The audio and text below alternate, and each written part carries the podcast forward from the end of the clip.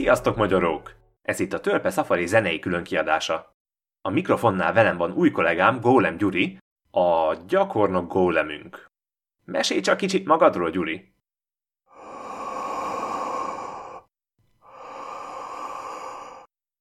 Hát igen, nem a szavak embere, de annál produktívabb.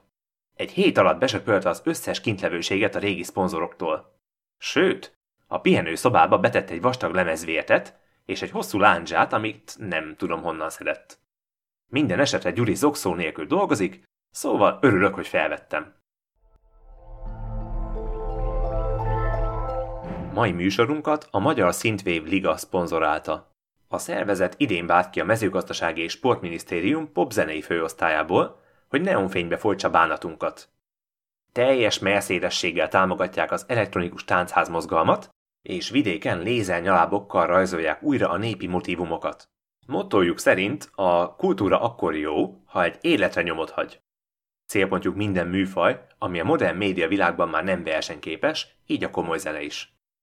No de mi is a komoly zene? A rébai lexikon szerint a műfaj a zene parizere. Első látásra ízetlen, nehezen megkezdhető, mégis sokan fogyasztják. Gyakran még énekesre sem futja bele, és dalszöveg hiány ember nem fogja Google-on megtalálni, hogy éppen mit hallott. Ráadásul a műfajról sokan az erőszakra asszociálnak. Számtalan filmben szerepelt egy gyilkos zongorahúrok, hegedűtokba rejtett puskák, szóval lenne mit javítani az imidzsen. A komoly zenében ugyanis, hasonlóan például a Forma 1-hez, néhány perc akcióra jut egy óra ücsörgés. Ezt a fellépők is érzik, és a körítéssel próbálják kompenzálni.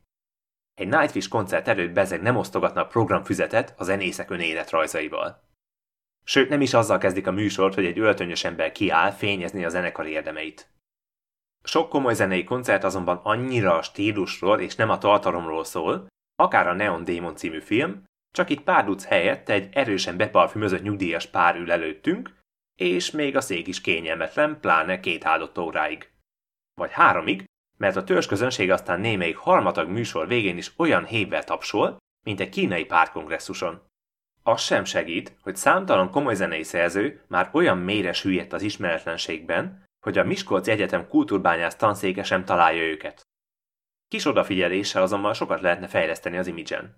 Ott van például Stravinsky nemrég felfedezett operája, az Acélsólyom, ami a Yamahán és a Lézer hárfán jóval nagyobbat szól, mint holmi fa hangszereken.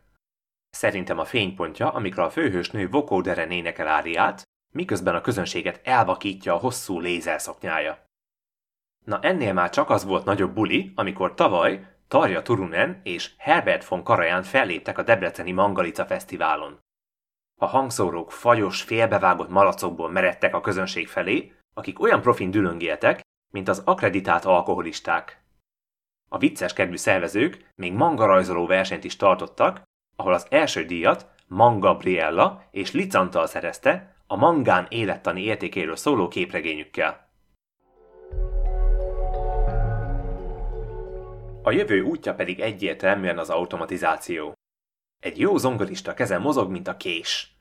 De egy jó szoftverrel egyszerűen nem veheti fel a versenyt. A koncertipar már pedig a költségcsökkentés felé halad, és a következő logikus lépés, a legnagyobb költség, a fellépők teljes kiiktatása. Eleinte biztosan furcsa ezt majd felvenni a VR sisakot egy élettelen színpad előtt, de valahogy ahhoz is hozzászoktunk, hogy félig playback előadásokat nézünk, miközben a telefonunkkal hadonászunk. Később aztán további elemeket is ki lehet spórolni a koncertekről. Ebben igazi úttörő Balatonkénesin a Mojlepke Disco. A raktárból átalakított helységben a falakat írhák és bolyhos lepedők borítják.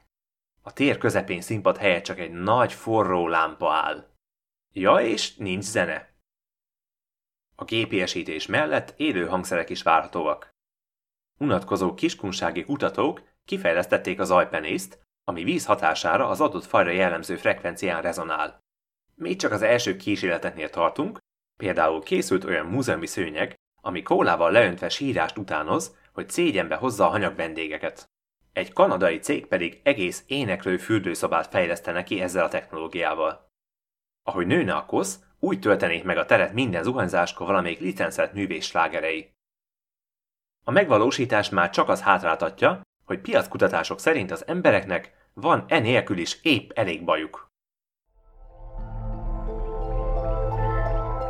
A Minap szponzorunk kérésére Gólem Gyurival elmentem egy pesti szimfonikus zenekar estjére, ahol honosított synthwave és retro feldolgozásokat játszottak. Ezzel is segíteni akartam ifjú kollégám karrierét. Mert hát egy ilyen koncerten sok szakmabelivel lehet találkozni. Kicsit nehezen találtam ráillő óriás zakót, de csak sikerült.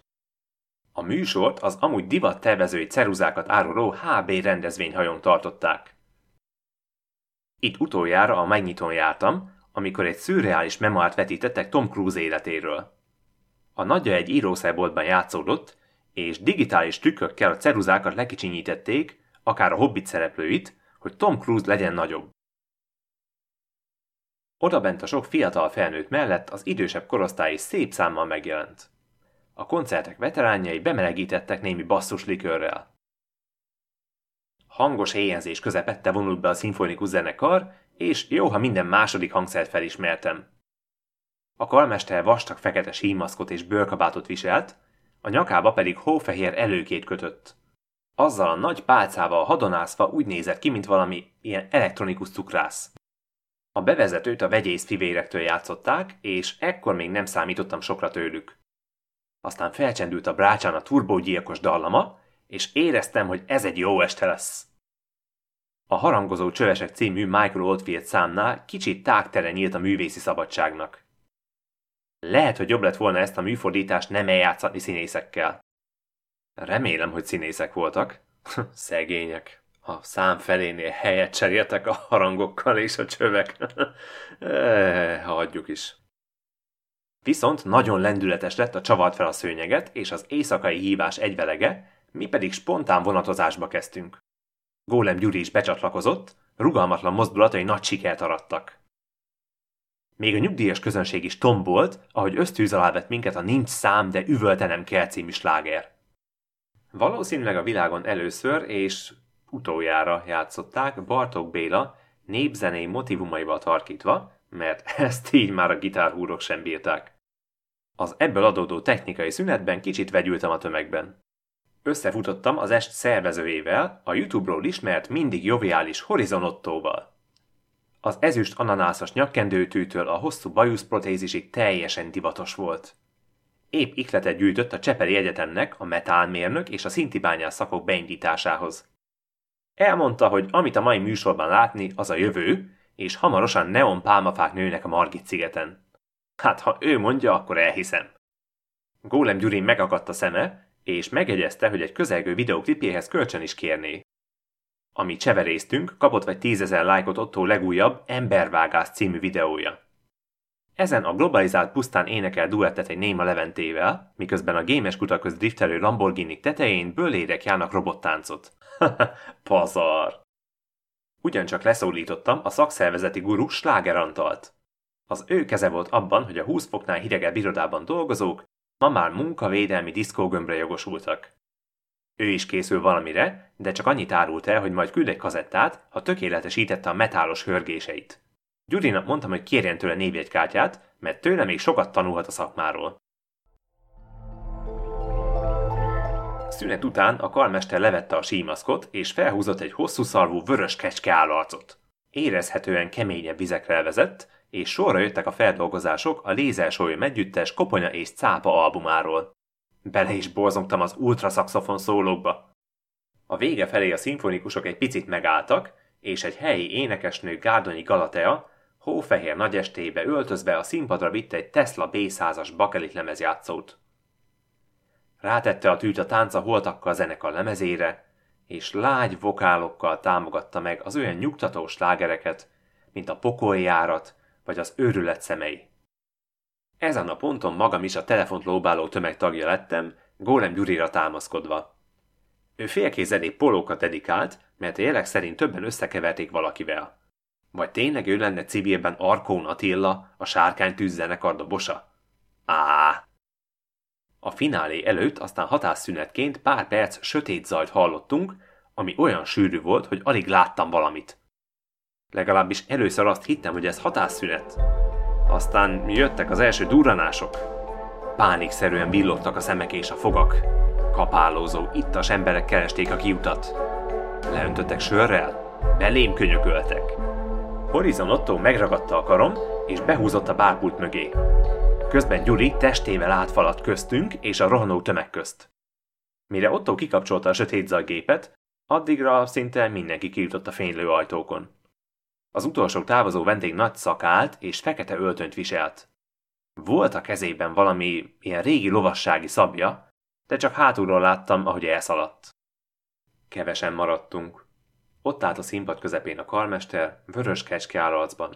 Mind a szarvait, mind a karmesteri pálcáját eltörte valaki, és ő épp hangos üvöltéssel volt elfoglalva. A zenekarból csak néhányan maradtak körülötte, ők is mind megcsonkított hangszerekkel. Volt ott félbevágott csemballó, elgörbült teremin, hátul a lézer hárfa is össze-vissza villogott. Gyuri izmaim megfeszült az akó, de sajnos ez a harc is azelőtt véget ért, hogy igazán hozzákezdtünk volna. Csak nem megint az a szakállas avatkozott közbe, hát miben sántikálhat? Leporoltam a ruhámat, ami csupa szakadás volt.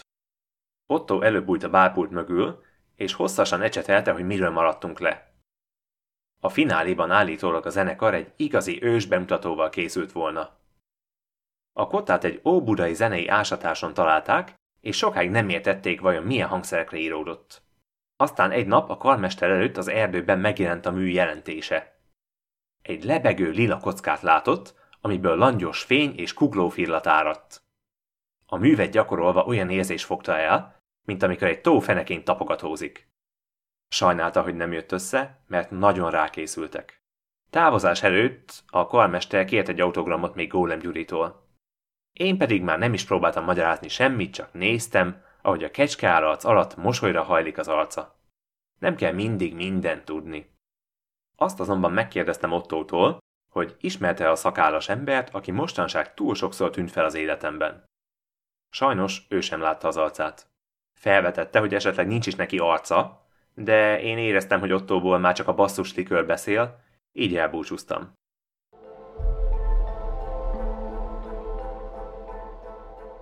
Szóval ilyen volt a koncert. Voltam már jobban, voltam már rosszabban. Ottónak utólag is gratuláltam, mert az alapötlet ígéretes, csak a kivitelezésen van még mit csiszolni. Másnap küldött egy e-mailt arról, hogy hamarosan Balaton nyelére szervez nyárbúcsúztató koncertet. Állítólag egy Balatonparti barlangban ősi szintetizátorrajzokat találtak, Otto pedig nem rest meglovagolni az ilyen média őrületeket.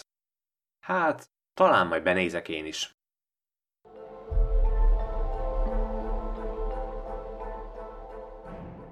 Mai műsorunk meglehetősen kritikusnak tűnhetett a komoly zenével szemben. De az ember csak azokkal a dolgokkal foglalkozik ennyire, amiket szeret, és amiket szeretne, hogy még jobbak lehessenek. bla bla mi egymás. Ha mindez nem lenne elég érdekes, akkor még mindig akad más máshol. Évadzáró műsorunk témája a migráció, valamint az emiatt is fokozódó szakemberhiány. Addig is nézetek fel sűrűn az égre, mert senki nem fog előre szólni.